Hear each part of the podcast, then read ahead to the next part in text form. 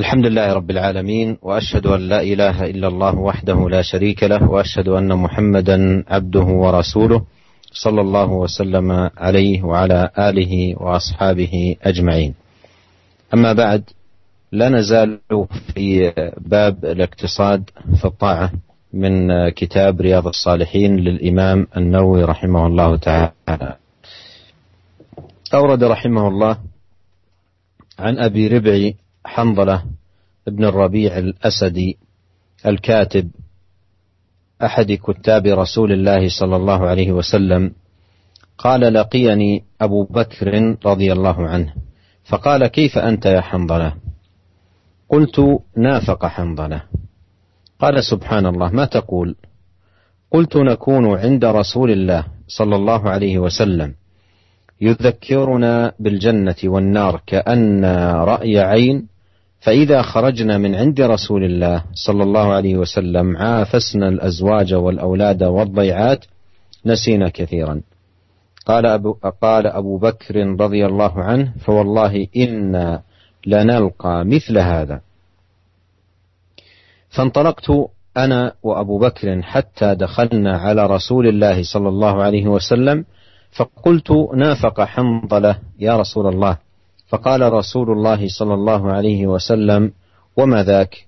قلت يا رسول الله نكون عندك. تذكرنا بالنار والجنة كأن رأي العين. فإذا خرجنا من عندك عافسنا الأزواج والأولاد والضيعات نسينا كثيرا. فقال رسول الله صلى الله عليه وسلم والذي نفسي بيده لو تدومون على ما تكونون عندي وفي الذكر لصافحتكم الملائكة على فرشكم وفي طرقكم. ولكن يا حنظلة ساعة وساعة ثلاث مرات. رواه مسلم. قال رحمه الله وقوله عافسنا هو بالعين والسين المهملتين أي عالجنا ولعبنا. والضيعات المعايش.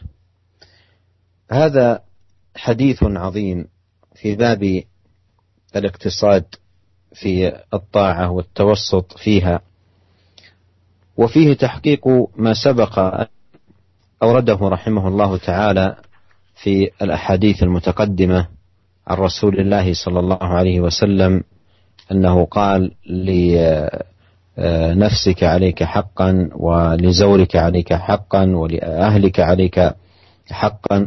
وأعطي كل ذي حق حقه.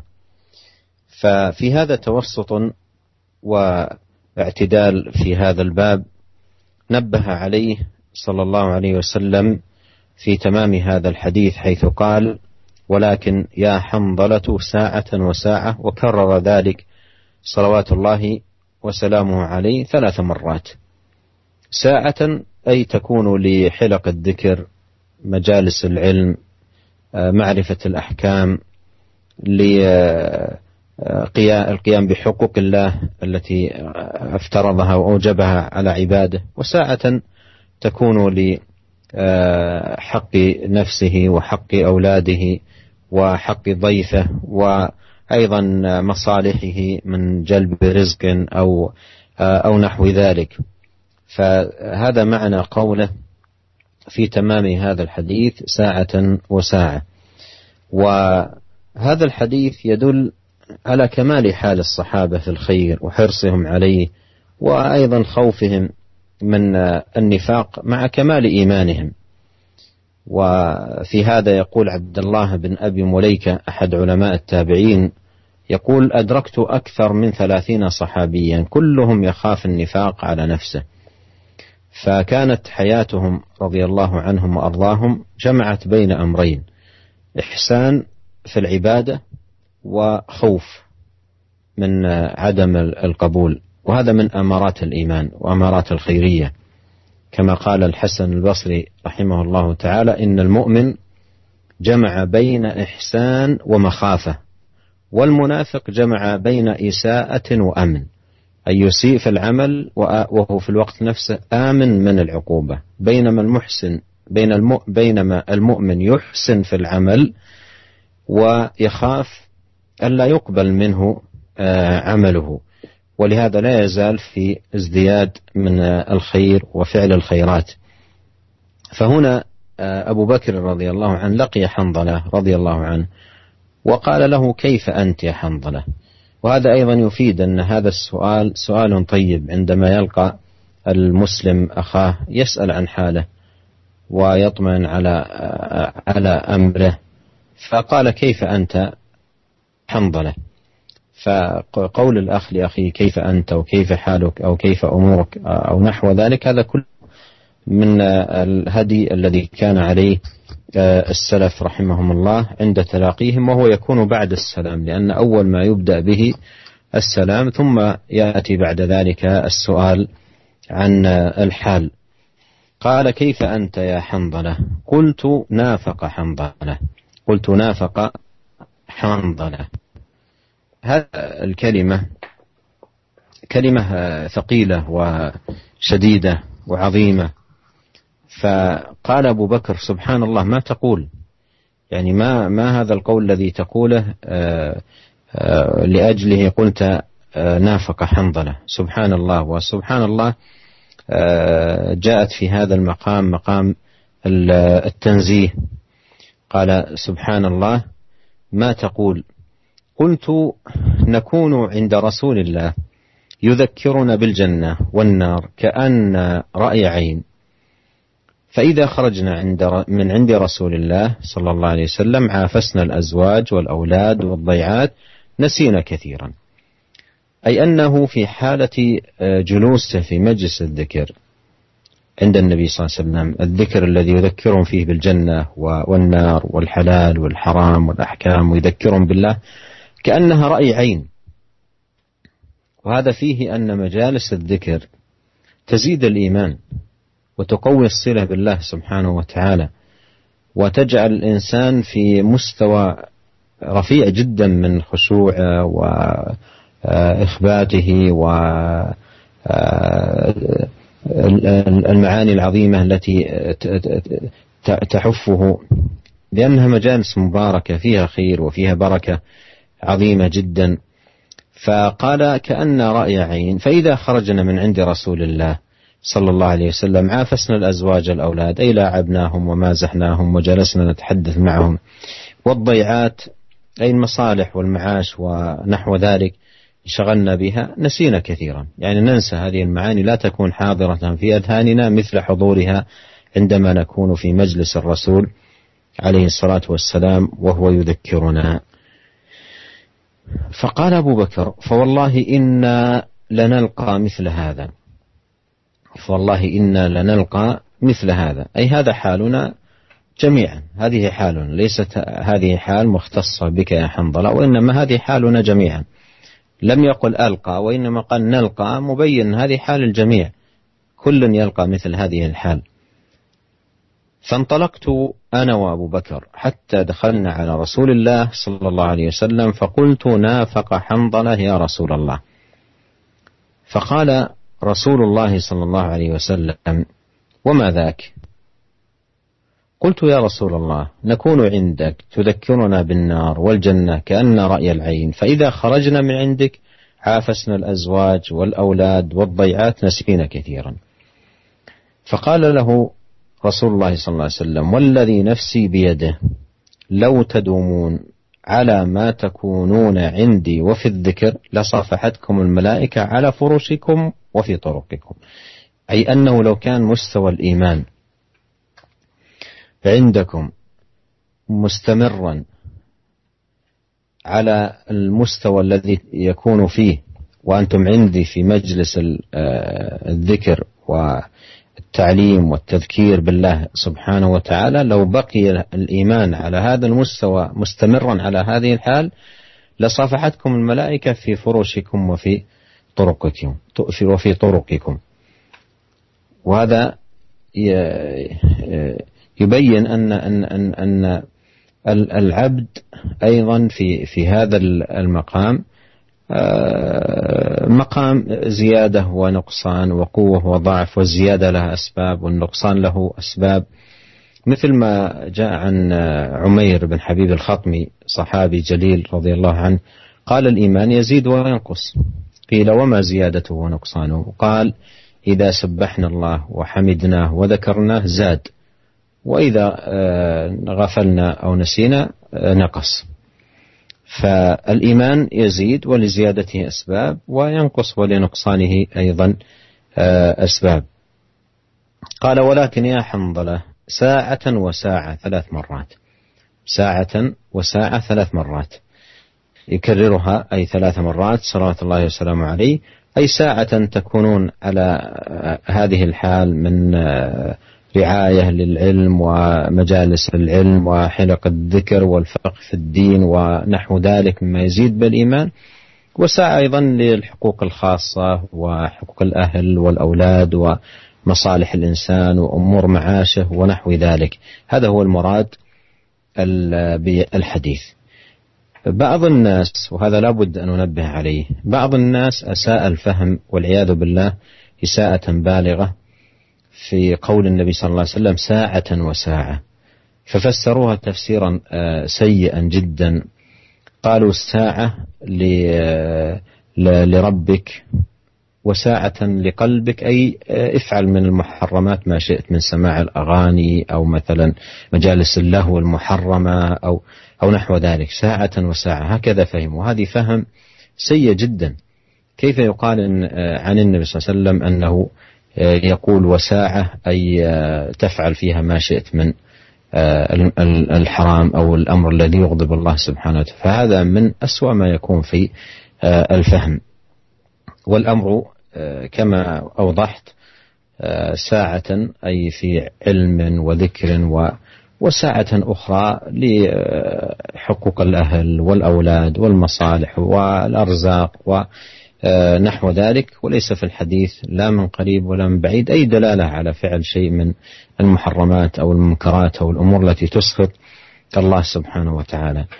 والمصنف الإمام النووي رحمه الله ساق هذا الحديث في آه، باب الاقتصاد في الطاعة ودلالته على الباب وما سيق الحديث لأجله آه، ظاهرة وواضحة وبالله التوفيق. Bismillahirrahmanirrahim. Alhamdulillah. Segala puji dan syukur kita menjadikan kehadirat Allah Subhanahu wa taala. Salawat dan salam semoga senantiasa tercurahkan kepada suri teladan kita Nabi Muhammad sallallahu alaihi wasallam serta keluarganya serta seluruh para sahabat beliau tanpa terkecuali. Para pendengar yang dirahmati oleh Allah Subhanahu wa taala, kita masih berada di bab tentang al-iqtisad fi ta'ah atau fil ibadat, yakni tentang uh, bersikap tengah dalam beribadah dan menjalankan ketaatan-ketaatan kepada Allah Subhanahu wa taala. Al-Imam Nawawi rahimahullah membawakan sebuah hadis dari Abi Rabi'i Hanzalah bin Rabi' al-Usayyidi rahim uh, radhiyallahu taala anhu dan dialah salah seorang dari sekretaris Nabi Shallallahu Alaihi Wasallam. Hamdalah berkata, aku bertemu dengan Abu Bakar radhiyallahu anhu. Maka Abu Bakar bertanya kepadaku, bagaimana keadaanmu wahai Hamdalah? Bagaimana keadaanmu wahai Hamdalah? Maka aku berkata, nafaqah Hamdalah. Sungguhnya Hamdalah yaitu saya ya telah berbuat kemunafikan. Yang terjerumus takut terjerumus dalam kemunafikan. Maka Abu Bakar berkata, Subhanallah, ma taqul? Maha suci Allah. Apa yang kau katakan, wahai Hamdalah? Aku berkata, tatkala di sisi Rasulullah sallallahu alaihi wasallam dan Rasulullah sallallahu alaihi wasallam mengingatkan kita tentang surga dan neraka, maka seakan-akan kita melihat surga dan neraka dengan mata kepala kita secara langsung. Akan tapi jika kita pergi dari Rasulullah sallallahu alaihi wasallam, kemudian kita tersibukkan dengan istri-istri kita, dengan anak-anak dan perkara-perkara dunia, nasina kesiran. Maka kita pun melupakan banyak perkara. Maka Abu Bakar radhiyallahu anhu berkata, demi Allah, kita mendapati seperti ini wahai Hamdalah. Kata Hamdalah, maka aku pun beranjak pergi bersama Abu Bakar sampai akhirnya kami bertemu dengan Rasulullah sallallahu alaihi wasallam. Kemudian aku berkata kepada Nabi sallallahu alaihi wasallam, "Nafaqah Hamdalah ya Rasulullah." Wahai Rasulullah, sungguhnya Hamdalah telah berbuat kemunafikan. Maka Nabi Shallallahu Alaihi Wasallam berkata, Wa mada, kenapa bisa demikian? Maka aku berkata, Wahai Rasulullah, tatkala kami berada di sisimu, engkau mengingatkan kami dengan neraka dan engkau mengingatkan kami dengan surga. Maka seakan-akan kami melihat surga dan neraka dengan mata kepala kami. Akan tapi tatkala kami keluar, pergi dari sisi engkau, dan kami pun sibuk dengan istri-istri kami, bermain-main dengan anak-anak kami dengan perkara-perkara dunia, maka kami pun melupakan banyak perkara. Maka kata Rasulullah sallallahu alaihi wasallam, "Walladzi nafsi biyadihi, demi zat yang jiwaku berada di tangannya. Lau tadumuna ala ma takununa indi wa fi dzikri la safahatkumul malaikatu ala furushikum wa fi turuqikum." Demi zat yang jiwaku berada di tangannya, kalau seandainya kalian terus berada di sisiku dan kondisi keimanan sebagaimana tatkala kalian berada di sisiku dan tatkala mengingat perkara-perkara akhirat maka sungguh malaikat akan berjabat tangan dengan kalian tatkala kalian berada di tempat-tempat tidur kalian dan juga di jalan-jalan kalian. Walakin ya Hanzalah sa'atan wa sa'atan. Akan tapi wahai Hanzalah uh, sebagian waktu dan sebagian waktu. Rasulullah sallallahu alaihi wasallam mengulangi perkataannya sebanyak tiga kali. Akan tapi Hanzalah sebagian waktu dan sebagian waktu. Sebagian waktu dan sebagian waktu, sebagian waktu dan sebagian waktu. Hadis ini hadis yang sahih yang diriwayatkan oleh Al-Imam Muslim rahimahullah. Para pendengar yang dirahmati oleh Allah Subhanahu wa taala, ini merupakan hadis yang sangat agung yang menjelaskan tentang sikap tengah dalam beribadah, dalam menjalankan ketaatan kepada Allah Subhanahu wa taala. Dan hadis ini menguatkan apa yang telah disebutkan oleh Al-Imam Nawawi rahimahullah dari hadis-hadis berikutnya di mana Nabi Shallallahu alaihi wasallam telah berkata bahwasanya eh, inna li nafsi alaika haqqan bahwasanya jiwamu juga punya hak wali ainaika alaika haqqan dan kedua matamu juga punya hak untuk istirahat wali zaurika alaika haqqan dan juga uh, tamumu ya juga punya hak ya. Bahwasanya Allah punya hak dan juga ada hak-hak yang lain yang berkaitan dengan perkara dunia yang harus ditunaikan. Oleh karenanya uh, hadis ini menunjukkan sikap tengah dalam beribadah ya dan tidak berlebih-lebihan dalam menjalankan ketaatan kepada Allah Subhanahu wa taala. Karenanya di akhir hadis ini Nabi sallallahu alaihi wasallam mengingatkan kata Nabi sallallahu alaihi wasallam, "Walakin ya sa'atan wa sa'atan." Akan tapi wahai Handhalah, sa'atan wa sa'atan. Sebagian sebagian waktu kau gunakan untuk beribadah kepada Allah Subhanahu wa taala, engkau berada di di halaqah zikir, dalam majelis-majelis ilmu, engkau mengenal bagaimana hukum-hukum perkara-perkara fikih, engkau bagaimana e, bisa menegakkan hak-hak Allah Subhanahu wa taala, bagaimana beribadah kepada Allah Subhanahu wa taala. Kemudian kata Nabi wasaah dan sebagian waktu kau sibukkan untuk menjalankan hak-hak yang lain, hak jiwamu, anak-anak punya hak yang harus kau penuhi, istrimu punya hak yang harus kau penuhi. Engkau juga berusaha mencari kemaslahatan-kemaslahatan duniamu ya seperti mencari rezeki dan yang lainnya. Oleh karenanya Nabi SAW memberi anjuran kepada Hamzalah bahwasanya sebagian saat sebagian waktu untuk perkara akhirat, untuk menunaikan hak Allah untuk beribadah, dan sebagian waktu untuk menunaikan eh, hak-hak uh, yang lain. Dan ini sebagaimana hadis-hadis yang telah lalu yang Rasulullah jelaskan bahwasanya innali rabbika alaika haqqan Rabb kamu punya hak dan juga dirimu juga punya hak untuk istirahat, keluargamu punya hak dan tamu bahkan punya hak. Oleh katanya sebagian waktu untuk hak Allah dan sebagian waktu untuk uh, hak yang berkaitan dengan uh, masalah dunia. Para pendengar yang dirahmati oleh Allah Subhanahu wa taala. Uh, disebutkan dalam hadis ini ya Hamdalah radhiyallahu taala anhu salah seorang sekretaris Nabi sallallahu alaihi wasallam ya tatkala bertemu dengan Abu Bakar radhiyallahu taala anhu Hamdalah berkata nafaqa Hamdalah sungguhnya Hamdalah yaitu dirinya sendiri sungguhnya saya telah terjerumus dalam kemunafikan ini menunjukkan bagaimana ya para sahabat yang sempurna iman mereka bagaimana semangat mereka dalam menjalankan kebaikan, akan tapi mereka diliputi rasa takut terjerumus dalam kemunafikan. Padahal iman mereka begitu sempurna, semangat mereka untuk beribadah luar biasa. Akan tapi masih, mereka masih takut terjerumus dalam kemunafikan. Oleh karena salah seorang dari ulama tabi'in yang bernama Abdullah bin Abi Mulaikah ya, pernah berkata rahimahullah, "Adraktu aksar min salatina sahabiyan." Kata kata dia mengatakan aku mendapati lebih daripada 30 sahabat Kulluhum yakhafun nifaq ala nafsihi. Setiap mereka seluruh para sahabat 30 orang tersebut ya khawatir mereka tertimpa kemunafikan. Padahal mereka adalah para sahabat yang sebagian mereka para sahabat senior yang ibadah mereka luar biasa. Akan tapi setiap para sahabat yang ditemui oleh Abdullah bin Abi Mulaikah merasa khawatir diri mereka tertimpa dengan kemunafikan. Demikianlah para sahabat. Mereka membaguskan ibadah mereka, ibadah mereka mereka perbaiki dengan sebaik-baiknya, mereka jalankan dengan sebaik-baiknya, akan tapi mereka khawatir ibadah mereka tidak diterima oleh Allah Subhanahu wa taala. Oleh karenanya Al Hasan Al Basri rahimahullah salah seorang ulama tabi'in pernah mengatakan, Al-mu'min jam'a bainal ihsan wal makhaf. Sungguhnya seorang yang beriman dialah orang yang mengumpulkan antara ihsan berbuat baik dan rasa takut. Itu dia beribadah dengan sebaik-baiknya, berbuat baik kepada orang lain dengan sebaik-baiknya. Akan tapi dia takut, khawatir ibadahnya tidak diterima oleh Allah Subhanahu wa taala. Karenanya dia senantiasa banyak beribadah. Senantiasa banyak beribadah. Dia tidak pede dengan ibadah yang dia lakukan. Dia tidak sombong dengan ibadah yang dia lakukan. Oleh karena dia terus berbuat ibadah sebaik-baiknya, sebanyak-banyaknya, disertai dengan rasa khawatir tidak diterima oleh Allah Subhanahu wa taala. Adapun al-munafiq jama'a bainal isaa'ah wal aman. Adapun orang yang munafik dia menggabungkan antara dua perkara yaitu al-isaa'ah buruk dalam beribadah, ibadah tapi cara beribadahnya buruk, tidak tidak bagus sebagaimana orang beriman. Wal aman, sementara dia merasa aman ya, merasa ibadahnya pasti diterima, tidak akan mendapatkan azab Allah, ya dia merasa tentram padahal ibadahnya uh, tidak beres.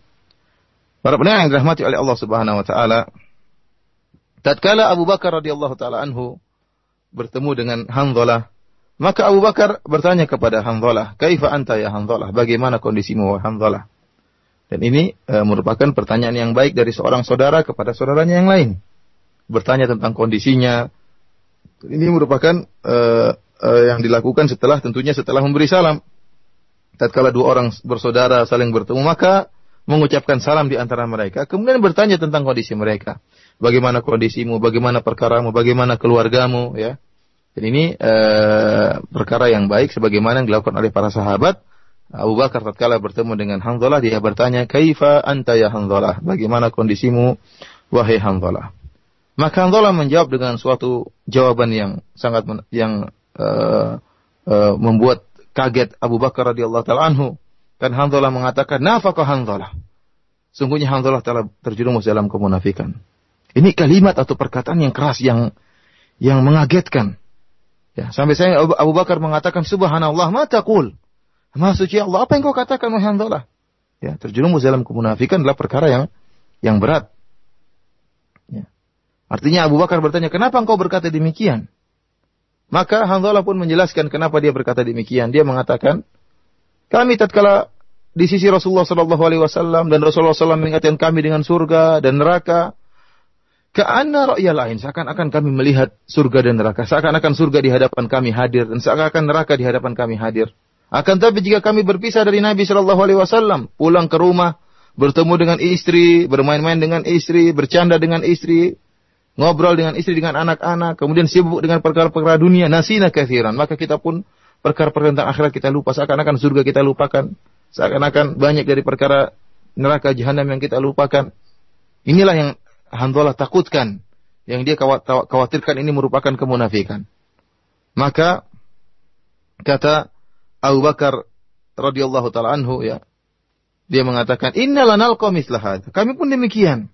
Ya, kami pun demikian. Artinya, Kata Abu Bakar radhiyallahu taala anhu bahwasanya apa yang menimpa Hanzalah bukan perkara yang khusus menimpamu bahkan menimpa kami juga. Abu Bakar dan yang lainnya. Oleh karena Abu Bakar mengatakan inna lanalqa mitla hadza. Kami juga mendapati hal ini. Tatkala kita bersama Nabi Shallallahu alaihi wasallam maka seakan-akan iman kita terasa tinggi. Ya, bagaimana tidak tinggi ya? Dalam majelis ilmu, majelis zikir, kemudian malaikat hadir dalam majelis tersebut. Ya, majelis tersebut dikelilingi oleh para malaikat. Allah menurunkan ketenangan, majelis yang penuh keberkahan, tentunya menambahkan keimanan seorang. Dan ini juga dirasakan oleh Abu Bakar radhiyallahu taala anhu dan juga para sahabat yang lainnya. Akan tapi jika kami pulang ke rumah kami, ketemu dengan istri-istri kami, bertemu dengan anak-anak kami, maka kami pun melupakan banyak-banyak perkara-perkara yang tadi telah kami ingat tatkala duduk bersama Rasulullah SAW dalam majelis ilmu.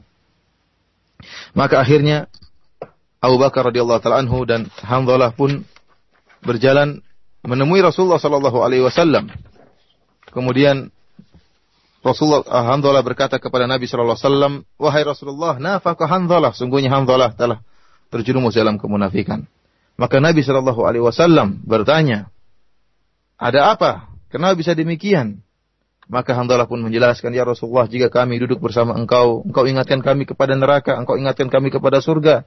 maka seakan-akan kami melihat surga dan neraka dengan kedua mata kepala kami. Akan tapi jika kami meninggalkan engkau, kami pulang ke rumah, bertemu dengan istri-istri, sibuk dengan anak-anak, bersenda gurau dengan anak-anak, sibuk dengan urusan dunia. nasina katsiran maka banyak perkara yang kami yang kami lupakan.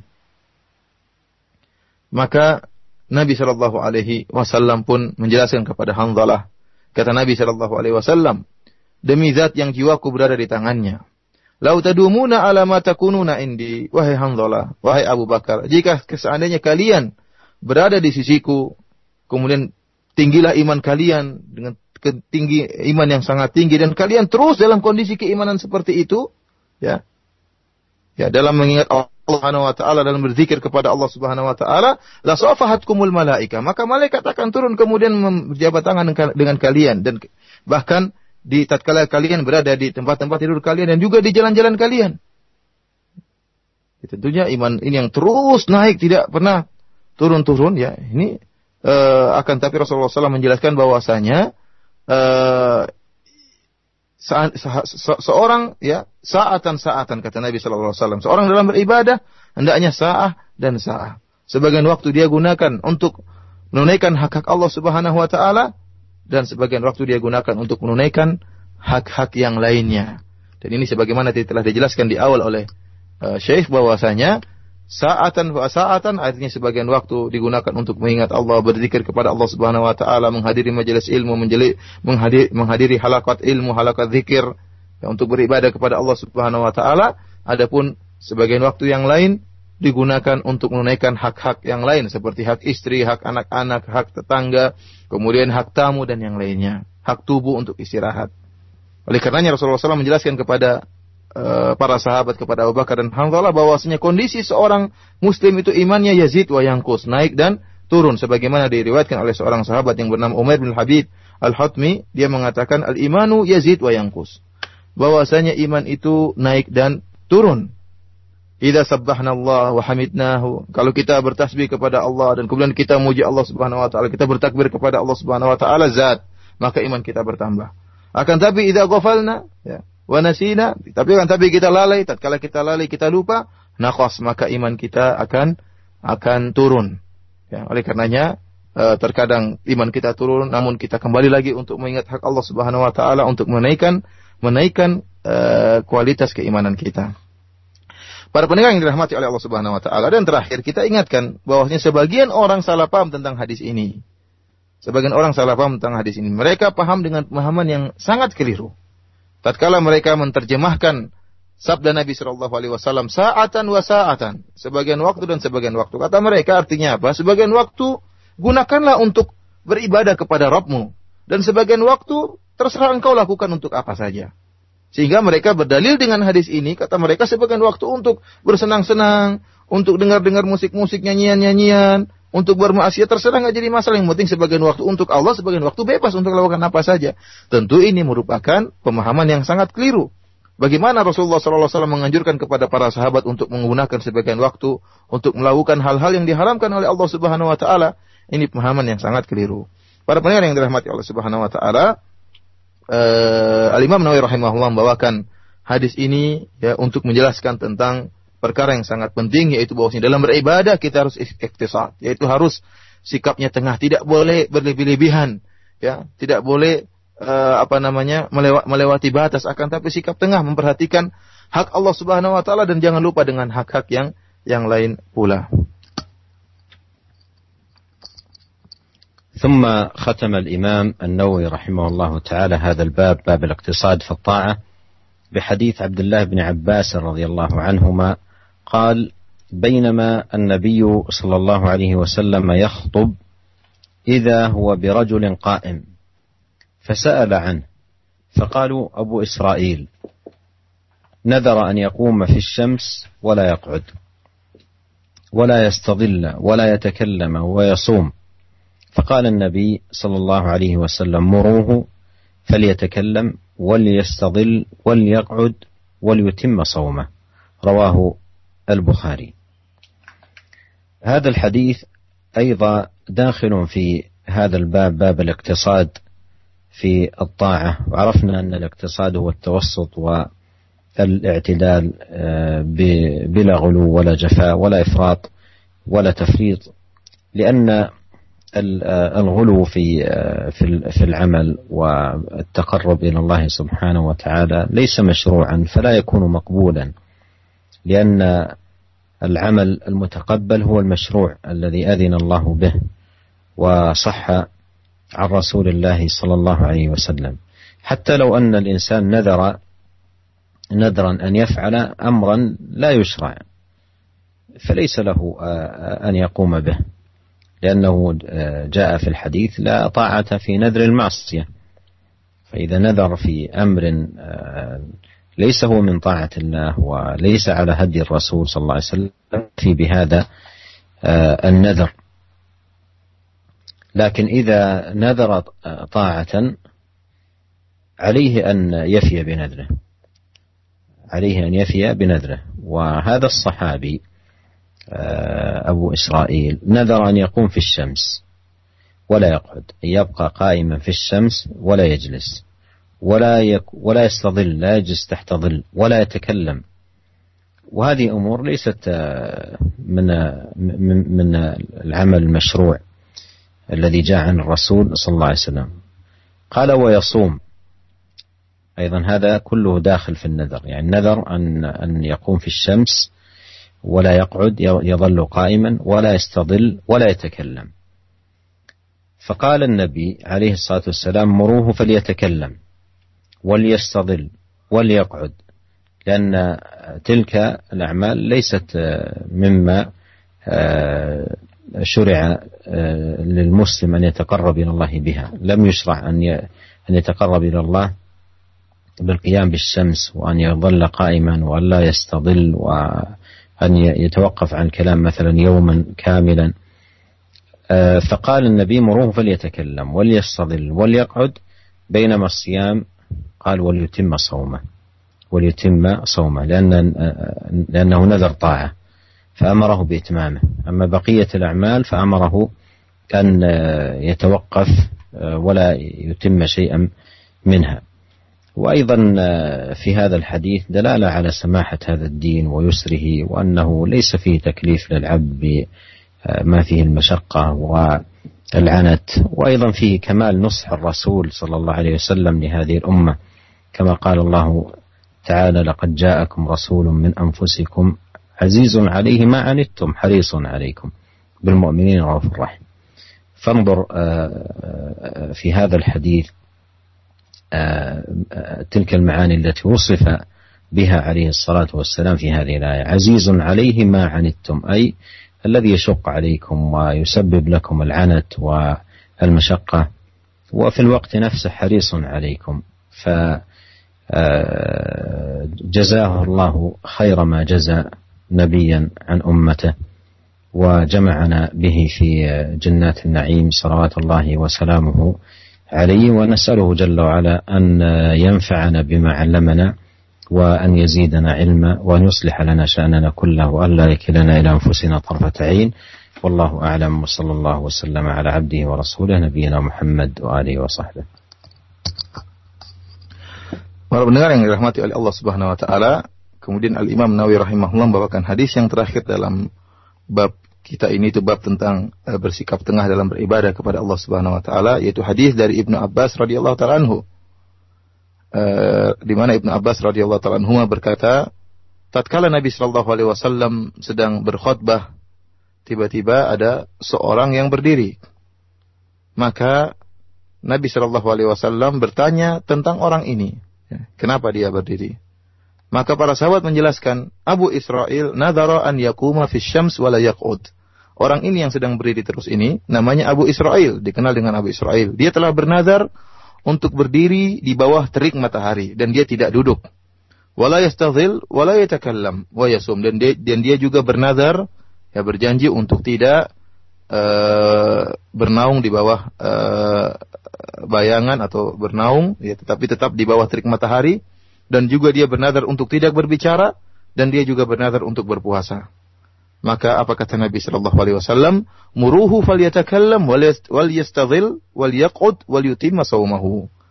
Kata Nabi Shallallahu Alaihi Wasallam, perintahkanlah Abu Israel, perintahkanlah dia untuk berbicara dan perintahkan dia untuk mencari naungan, yaitu berlindung di bawah naungan ya, daripada terik matahari, menjauhi terik matahari, dan perintahkan dia untuk duduk, dan perintahkan dia untuk menyempurnakan melanjutkan puasanya. Hadis ini hadis yang sahih yang diriwayatkan oleh Al Imam Al Bukhari. Para pendengar yang dirahmati oleh Allah Subhanahu wa taala, hadis ini masuk dalam bab yang sedang kita bahas. Ini bab tentang sikap tengah dalam ketaatan. Itu seorang tatkala menjalankan ketaatan kepada Allah Subhanahu wa taala bersikap tengah. Jangan berlebih-lebihan dalam beribadah dan juga jangan kekurang ber, uh, malas dalam beribadah. Ya. Kurang dalam beribadah akan tapi bersikap tengah, berusaha bersikap tengah dalam beribadah. Ya, tidak berlebih-lebihan dan juga tidak bersikap kurang dalam beribadah. Karena suatu ibadah dilakukan dengan sikap berlebih-lebihan, ekstrim berlebih-lebihan, maka amalan tersebut menjadi tidak disyariatkan. Dan amalan yang tidak disyariatkan yang dikerjakan dengan sikap berlebih-lebihan itu tidak akan diterima oleh Allah Subhanahu wa taala. Karena amalan yang diterima oleh Allah Subhanahu wa taala hanyalah amalan yang disyariatkan oleh Nabi Shallallahu alaihi wasallam dan ada dicontohkan oleh Nabi Shallallahu alaihi wasallam. Oleh karenanya kalau ada seorang bernazar ingin melakukan suatu amal perbuatan, ya akan tapi perbuatan tersebut maksiat atau tidak disyariatkan oleh Nabi Shallallahu Alaihi Wasallam, maka dia tidak boleh menunaikan nadarnya. Ya, dia tidak boleh menunaikan nadarnya karena itu adalah bentuk maksiat. Ya, tidak boleh seperti dalam hadis ini Abu Israel nekat untuk kemudian meneruskan nazarnya ber, berdiri di bawah terik matahari. Ini tidak disyariatkan dalam Islam. Dan tidak boleh dia lakukan nazar tersebut. Ya. Berbeda dengan seorang tatkala dia bernadar untuk melaksanakan ketaatan kepada Allah Subhanahu wa taala, maka wajib bagi dia untuk menunaikan ketaatan tersebut. Dalam hadis ini tentang kisah seorang lelaki yang dikenal dengan Abu Israel. Dia bernadar ya, untuk berdiri di bawah terik matahari, ya, untuk berdiri dalam keadaan panas di bawah terik yang panas matahari dan tidak duduk serta tidak mau bernaung ya berlindung di, di apa namanya naungan tetap di bawah terik matahari dan dia juga bernadar untuk tidak berbicara dan dia juga bernadar untuk berpuasa pada hari tersebut. Bayangkan, berpuasa dalam kondisi di bawah terik matahari, berdiri tidak mau duduk dan tidak bernaung di bawah sebuah naungan. Kita ketahui bahwasanya perkara-perkara tersebut tidak disyariatkan oleh Allah Subhanahu wa taala. Seorang tidak pernah disyariatkan untuk berdiri di bawah terik matahari, tidak duduk dan juga tidak bernaung apalagi tidak berbicara. Ini tidak disyariatkan.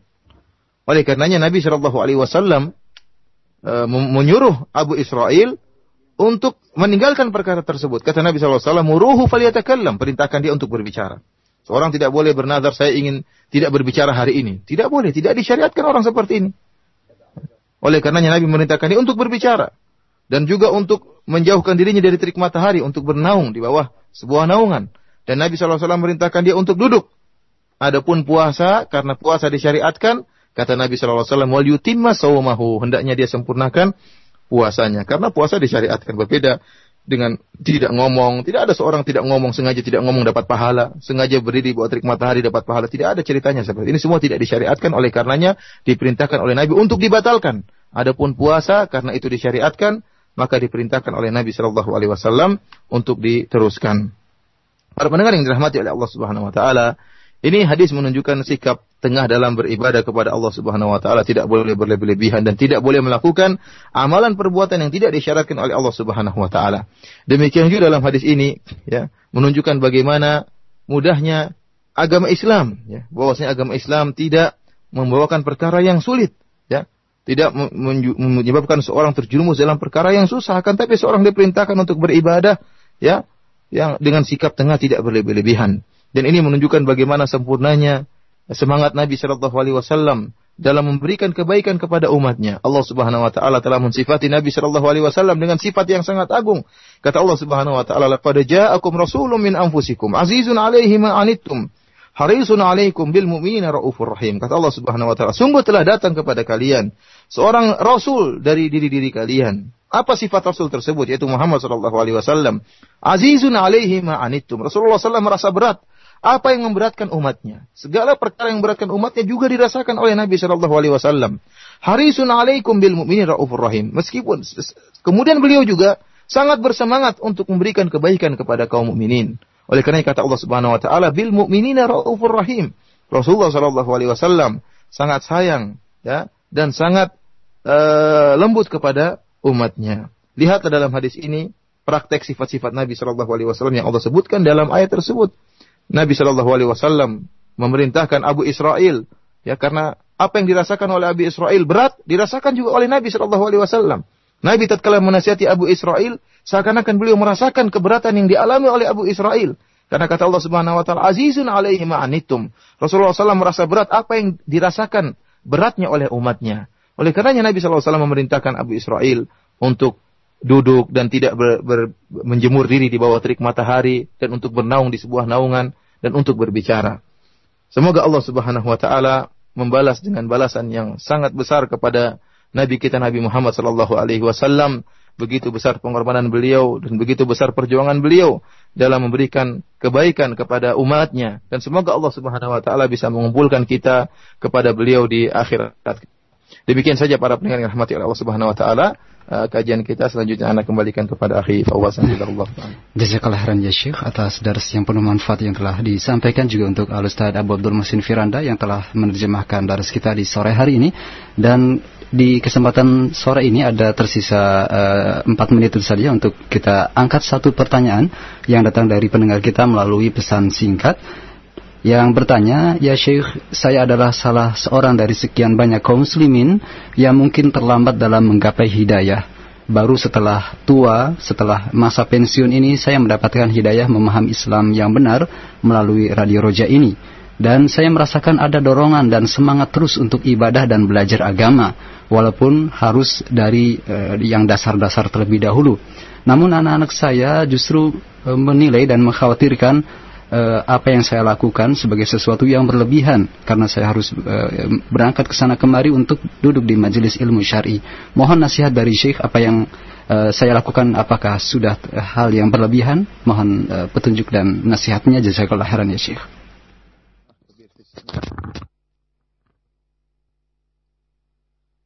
أولا نحمد الله كثيرا أن يسر لك الهداية ونسأل الله عز وجل أن يثبتك على الحق والهدى.